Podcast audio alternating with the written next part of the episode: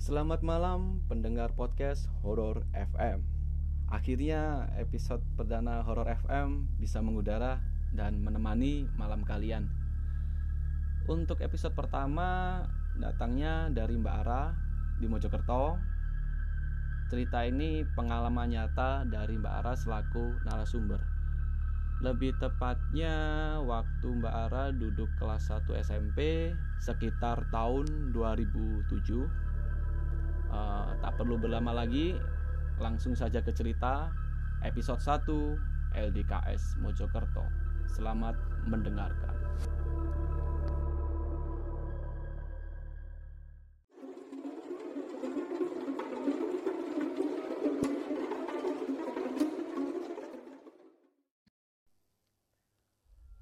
Cerita ini berawal waktu Mbak Ara ikut OSIS. Jadi sekolah Mbak Ara ini terletak di salah satu kabupaten Mojokerto. Ya untuk lokasi tepatnya sensor. Dan singkat cerita, karena minat dan suka dengan kegiatan OSIS, akhirnya Mbak Ara mendaftarkan dirinya untuk menjadi anggota OSIS. Setiap anggota pastinya diwajibkan untuk mengikuti LDKS. Ya, semacam latihan kepemimpinan gitu ya kegiatan LDKS ini diadakan di suatu tempat. Nah, kali ini beda. Biasanya kayak di villa gitu. Tapi kali ini bukan di villa. Tapi tempatnya seperti balai pertanian yang lumayan besar dengan bangunan dua lantai. Jadi bisa disewakan buat menginap. Nah, kebetulan jalan ke lokasinya itu nanjak banget. Sampai melewati semacam hutan pinus kalau dari jalan utama untuk menuju ke penginapan itu harus naik dulu jalan kaki sekitar 7 meter dan jalan yang menanjak. Nah, di jalan menanjak itu kanan kirinya penuh dengan pohon-pohon pinus, juga taman-taman bunga beberapa, terus juga ada sungai-sungai, sungai-sungai khas pedesaan gitu. Jadi bisa dibayangin gitu, ketika jalan ke atas sekitar 7 meter kanan kiri ya penuh dengan pemandangan indah memang. Kalau pagi ya. Kalau malam mungkin beda cerita lagi. Oke singkat cerita ini di hari pertama kegiatan Mbak Ara seperti kepanitiaan pembukaan dan semacamnya terbilang sangat lancar. Berbeda ketika hari kedua dimulai. Jadi waktu hari kedua dimulai nih pas memasuki sholat duhur entah kenapa tiba-tiba salah satu kamar mandi perempuannya mampet.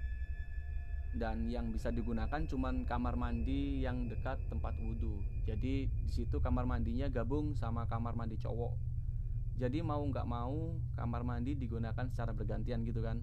Otomatis beberapa make beberapa masih ngantri beberapa pakai beberapa ngantri gitu karena itu Mbak Ara dan teman-temannya jadi risih kalau mandi atau sekedar wudhu. Uh, ya mungkin karena di sekitar sekitarnya pasti banyak cowok-cowok teman-teman cowok atau yang suka iseng juga. Nah selang beberapa waktu ini maghrib tiba. Tuh waktu maghrib pas ramainya antrian kamar mandi untuk wudhu ya waktu itu. Nah tiba-tiba temen Mbak Ara ini minta dianterin pipis dan temen Mbak Ara ini nggak mau ikut antrian. Ya mungkin karena kebelet banget ya. Namanya udah di ujung tanduk mungkin ya. Dan akhirnya temen Mbak Ara ini minta dianterin pipis di kali. Wah e, eh, maghrib maghrib di kali nih. Dekat penginapannya cuman yang nggak nggak seberapa jauh sih.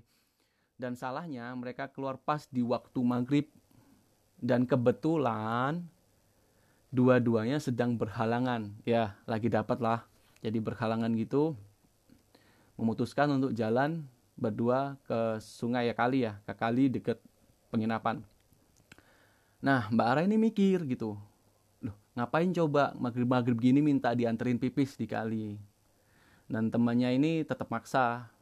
Mungkin ya itu tadi karena udah nggak tahan banget ya. Emang sih susah kalau cewek untuk nahan pipis ya.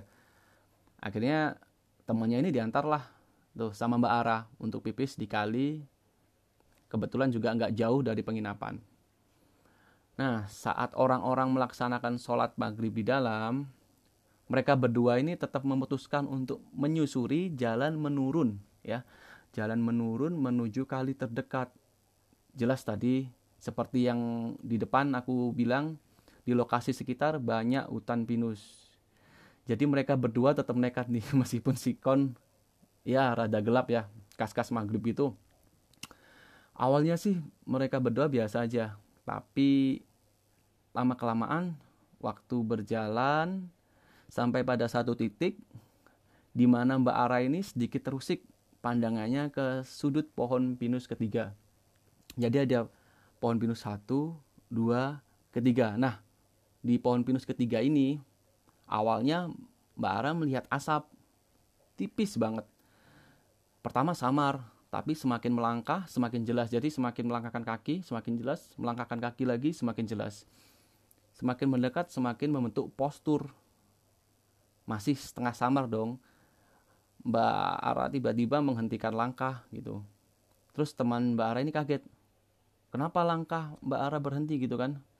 Dan nggak lama temannya nyeletuk. Loh, itu apa? Sumpah, itu apa sih gitu kan? Karena memang ternyata temannya Mbak Ara ini juga ngelihat apa yang dilihat Mbak Ara. Itu.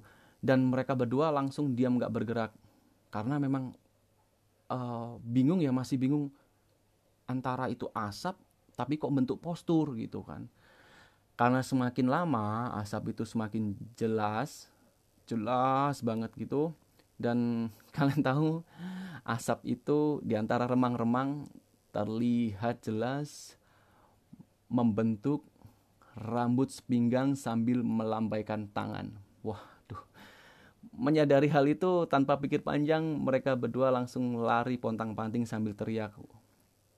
Jelas sontak ketakutan bercampur panik itu menghebohkan semua orang dalam penginapan.